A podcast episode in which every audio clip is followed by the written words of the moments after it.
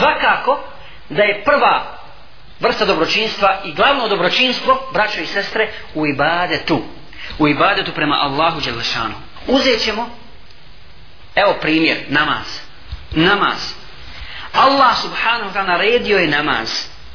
To je ibadet za koji će nas Allah prvo pitati na sudnjem danu. Ako bude Allah zadovoljen sa našim namazom, ako bude namaz ispravan, alhamdulillah, položen je ispit. Položen je ispit ako ne bude namaz u redu Boga mi, Boga mi je veliko pitanje zatim to je jedini ibadet koji naređen na nebesima za ihsan vezan za ibadet kada je Džibril došao da nauči poslanika sa selema preko njega ummet da poslanik sa pouči kada ga je pitao šta je ihsan prije toga pitao šta je islam šta je iman jel šta je ihsan omel ihsan se rekao poslanik sa selem en ta'budallaha ka'annaka tarahu fa in lem takun tarahu fa innahu yarak da obožavaš Allaha da mu činiš ibadet kao da ga vidiš jer ako ti njega ne vidiš on tebe vidi Allah pogledajte šta je ih sam brać i sestri da obožavaš Allaha kao da ga vidiš jer ako ti njega ne vidiš on tebe vidi hajdemo sad razmišljati svi ne moramo na glas nego u sebi da razmišljamo jesmo li ikad i jedan namaz tako klanjali a Jesmo li ikad i jedan namaz tako klanjali kao da vidimo Allaha? Da smo pred Allahom i da mu seždu činimo. Pogledajte da čak u ibadetu može biti rija. Kad smo kod svoje kuće i kad klanjamo na filu, često puta ne vodimo računa, brzo klanjamo. Kad dođemo u mesec nas ljudi vide, onda se posvetimo namazu.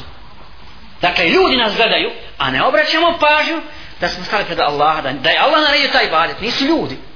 Nisu ljudi. Jesmo li kad klanjali namaz tako kao da nas Allah vidi?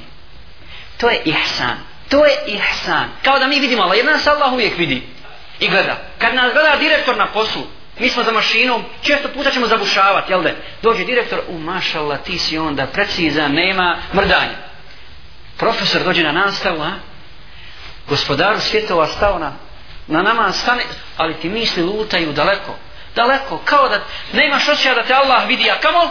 da imaš ovaj ihsan kao da vidiš Allah da, da si stao pred njega da mu činiš ibadet i hajmo sad sebi dati zadatak da pođemo tako razmišljati o namazu i da tako uklanjamo namaz a samim tim i sve druge ibadete da činimo kad činimo u ima Allah subhanahu wa ta'ala ako bi to uspjeli vallahi braće i sestre mi bili drugi ljudi potpuno drugi ljudi kada bismo tako obavljali namaz i tako izvršavali naše, naše ibadete svaki naš posao bio bi drugačiji koliko bili ustrajni u svakom poslu i na studiju i u poslu ako ga, ako ga radimo u našim međusnim razgovorima čak kad se šalimo jedni s drugima kad razgovaramo, kad se susrećemo kad se selamimo dakle kompletan naš život bio bi u znaku jasana i bio bi puno da tako kažem subtilniji naš odnos prema životu i onima s kojima mi sarađujemo nego, nego što to jeste sad